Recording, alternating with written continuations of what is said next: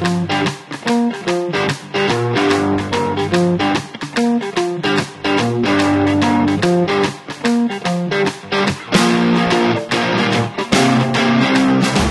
till Marstorps mat. Det här är en podcast om grönsaksodling, självhushållning och entreprenörskap i Västerbottens inland. Jag heter Jakob och bredvid mig sitter Albin. Idag tänkte vi prata lite grann om när vi slaktade höns förra veckan. Och först och främst Albin, varför slaktar vi höns överhuvudtaget? Ja, så vi måste ju ha något att äta. Ja, men eh, eh, vi får ju ägg också. Räcker det inte med att äta äggen? Varför måste vi slakta hönsen? Det är ju så med höns att hälften av alla höns är hönor och den andra halvan är tuppar. Och i, ska man säga, i en eh, industrihöna som värper ägg som man köper på affären, där tar man ju bort eh, tuppkycklingarna eh, direkt när de föds egentligen och mal ner dem. Eh, vi låter ju istället dem växa upp tills de är, våra var drygt ett år nu, eh, när vi slaktar dem. Det, det blir ju rätt oroligt i flocken när man har för många tuppar. Så att, att låta dem fortsätta leva är inte riktigt något alternativ. Nej precis och det var ju faktiskt så att vi drog ut lite grann på den här slakten på grund av olika logistiska eh, problem. Logistiska och känslomässiga, det är ju lite eh, ansvarsfullt och lite komplicerat. Då.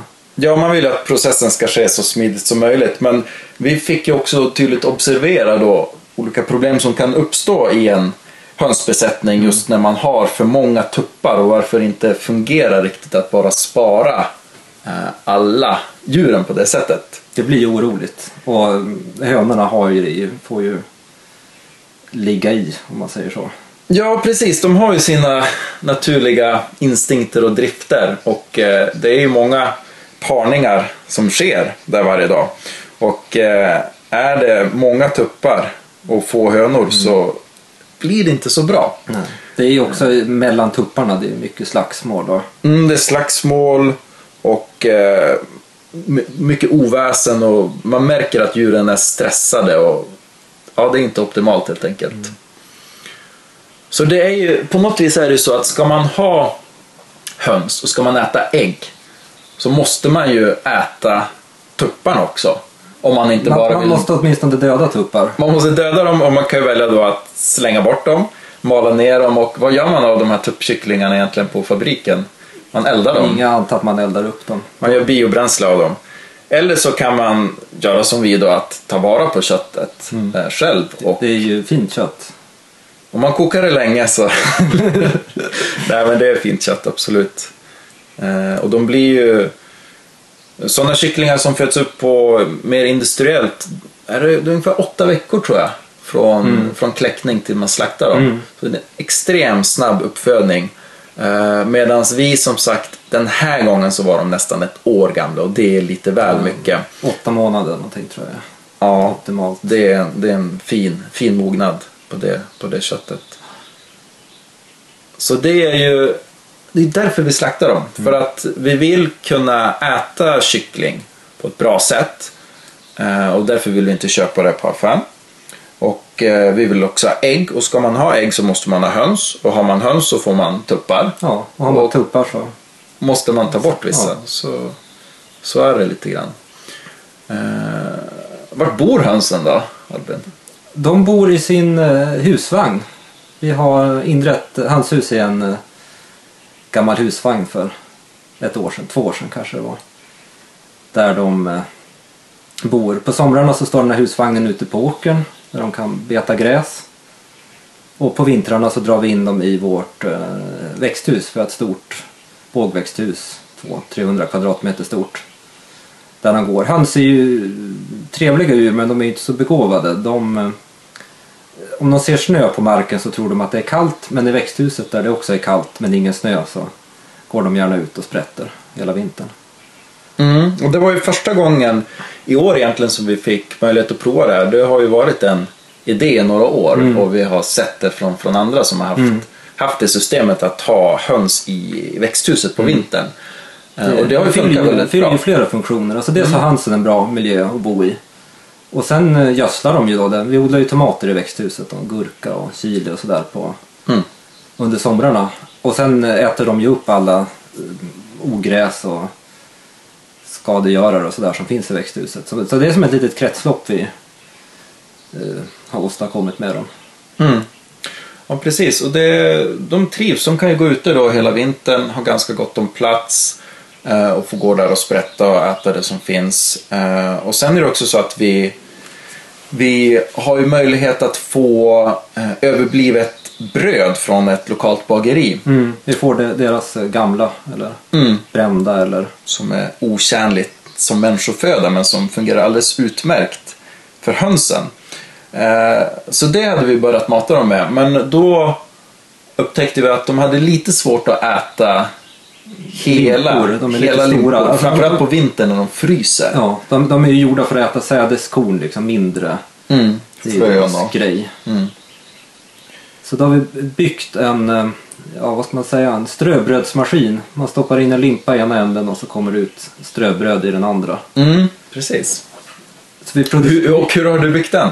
det, det är en gammal elmotor och eh, eh, jag har en, eller vi har en, en bekant som heter Skrot-Olle som vi får eh, järnrör och eh, svetshjälp och sådär av. Så tillsammans har vi byggt det som en eh, kvarn kan man säga. Mm. En stor mixer egentligen, Ja. där brödet kommer ut på andra sidan. Trefasmixer kan man säga. Ja, och det är ju så i nuläget har vi faktiskt ett överskott på bröd. Vi har mer bröd än hönsen kan äta, men även det gör ju stor nytta eh, när det blir malt där i, i växthuset. Eh, det, Det, det hönsen inte äter upp det sprätter de ju ner och gräver ner och blandar ut det där med jorden. Så det blir ju en kompostering av det. Ja, Det är en jordförbättring. precis. Och så är det ju dessutom så att det här är ju faktiskt ekologiskt eh, stenugnsbakat surdegsbröd, så det är ju Inga dåliga. Det är ingen dålig utfodring. Eh, sen får de ju också utöver det korn och en del eh, tillskott av ekologiskt eh, kraftfoder med, med protein och så. Och även ärtor har vi gett dem en del. Mm. Så de, de behöver ju ganska bra mat så att säga, höns. De kan ju inte bara äta gräs som, som kor och getter exempelvis. Nej, det, det är ju nackdelen med dem. Att, eh, ja, att de måste ha bra mat. Och, den där optimeringen. Vi pratar ju mycket om hur många höns. Jag, vet inte vad vi Mm. har nu. Vi hade Ja, vi har väl 20. 20 här och så har vi 10 här och så har vi Mm. några i kläckaren. Och, Mm. Men, men eh, mängden höns man ska ha liksom. Att, eh, med tanke på allt, att överskottet av bröd så skulle vi kunna ha fler. Och vi rymmer fler också i det där växthuset. Mm. eh, ekologiska höns får, eh, ha, ska ha, kan, man kan ha sex höns per kvadratmeter inomhus. Ja, det är jag, jag tror vår, våra höns har sex kvadratmeter per höna. Ja, de har, det, de har det ganska bra. Och som sagt, ute inne i växthuset på vintern och eh, på sommaren så har vi dem då på en åker där de också får äta gräs och, och frön och insekter och så flyttar vi dem eftersom. Eh, Men- Sen har vi en lite speciell ras också som vi har kommit fram till och bestämt att vi ska ha. Mm. Då är vi egentligen tillbaka där vi började, det här med både kött och ägg. Mm. Vi har en ras som heter australorp eller australiensk orpington. De är stora och svarta. Mycket kött, mycket ägg. Och härdiga också har vi upptäckt. Eh, För vi har ju även haft några höns från andra raser, bland annat eh, eh, mer moderna värphöns har vi haft några stycken. Och vi har märkt stor skillnad här, här den bistra västerbottniska vintern på hur väl de verkar klara sig även om de har haft eh, gått inne i husvagnen och haft tillskottsvärme.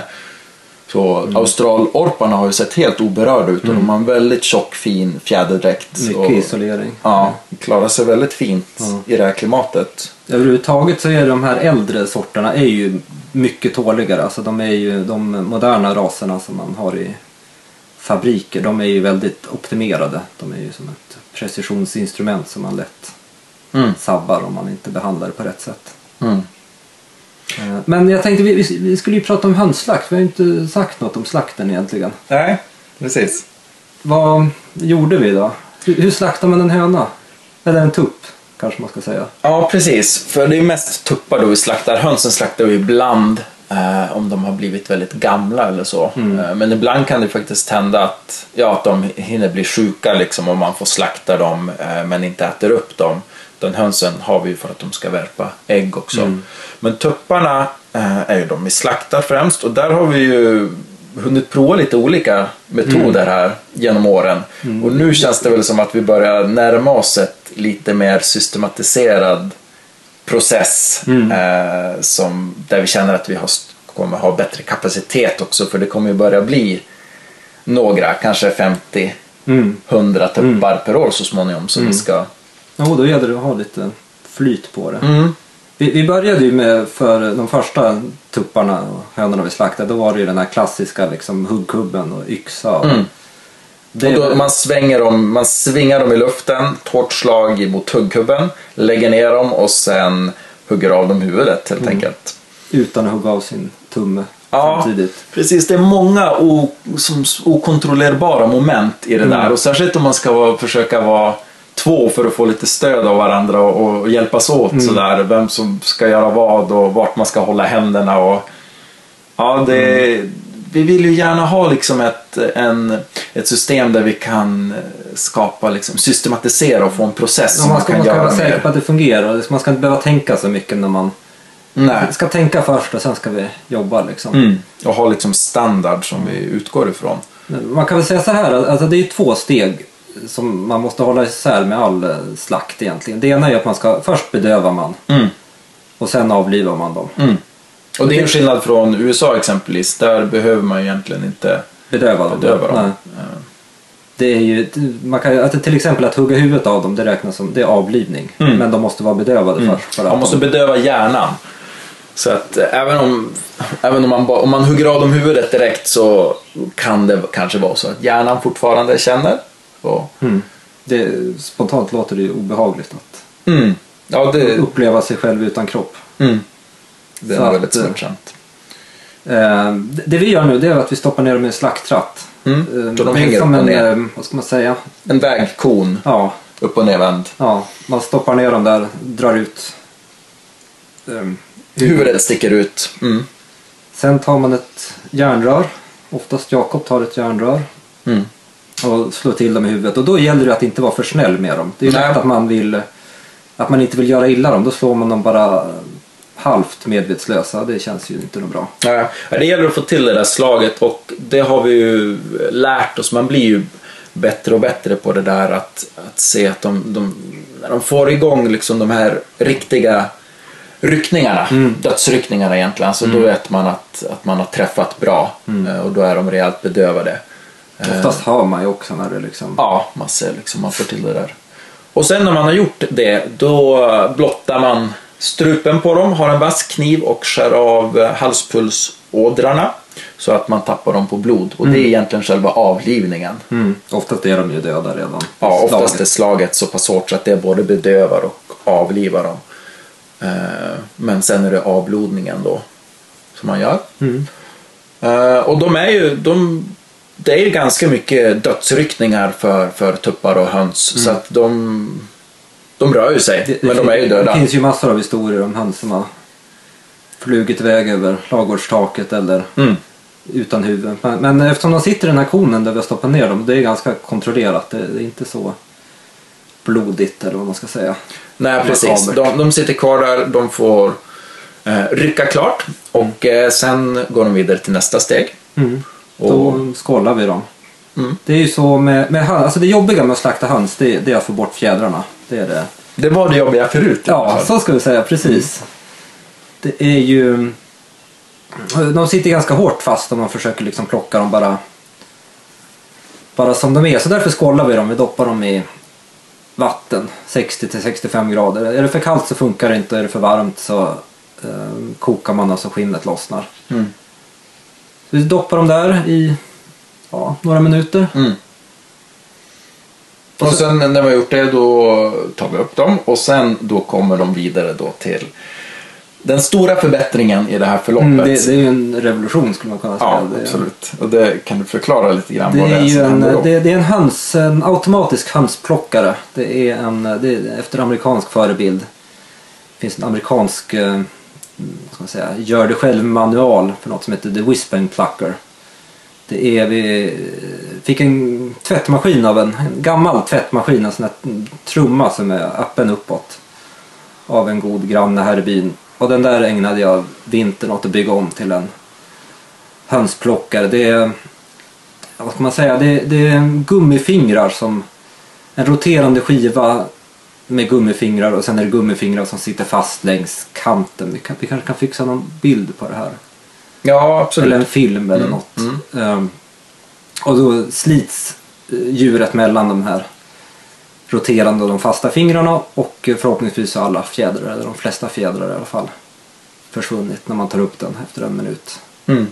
Så det går väldigt snabbt, väldigt effektivt. Man spolar lite vatten, fjädrarna av. Mm.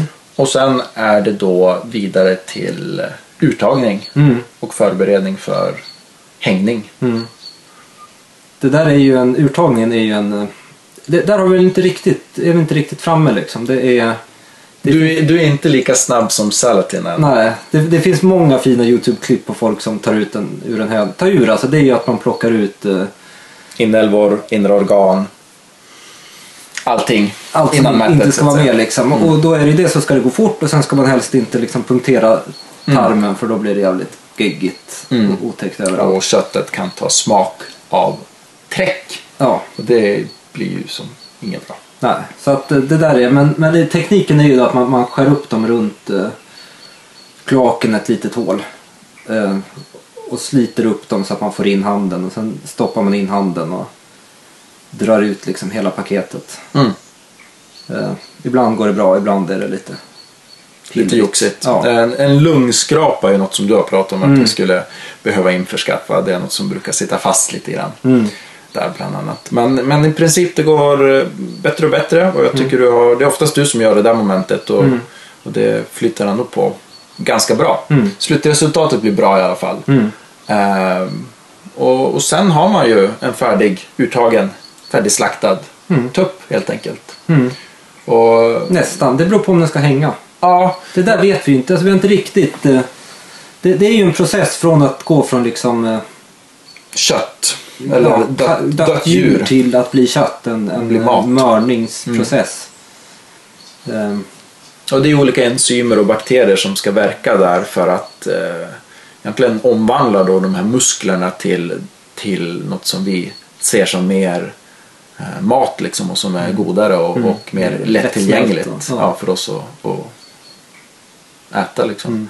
Eh, och, jo men det ska ju hängas Mm. och, och det, det kan man göra genom att lägga dem i, i kylskåpet några dagar. Mm. Eh, här arbetar vi fortfarande på för att, att få till de exakta parametrarna för att få ett så bra resultat som möjligt. Men Mm. vi vet att, att de ska hängas och att de kan ligga i kylen några dagar och det finns olika sätt man kan räkna ut Mm. det här på också.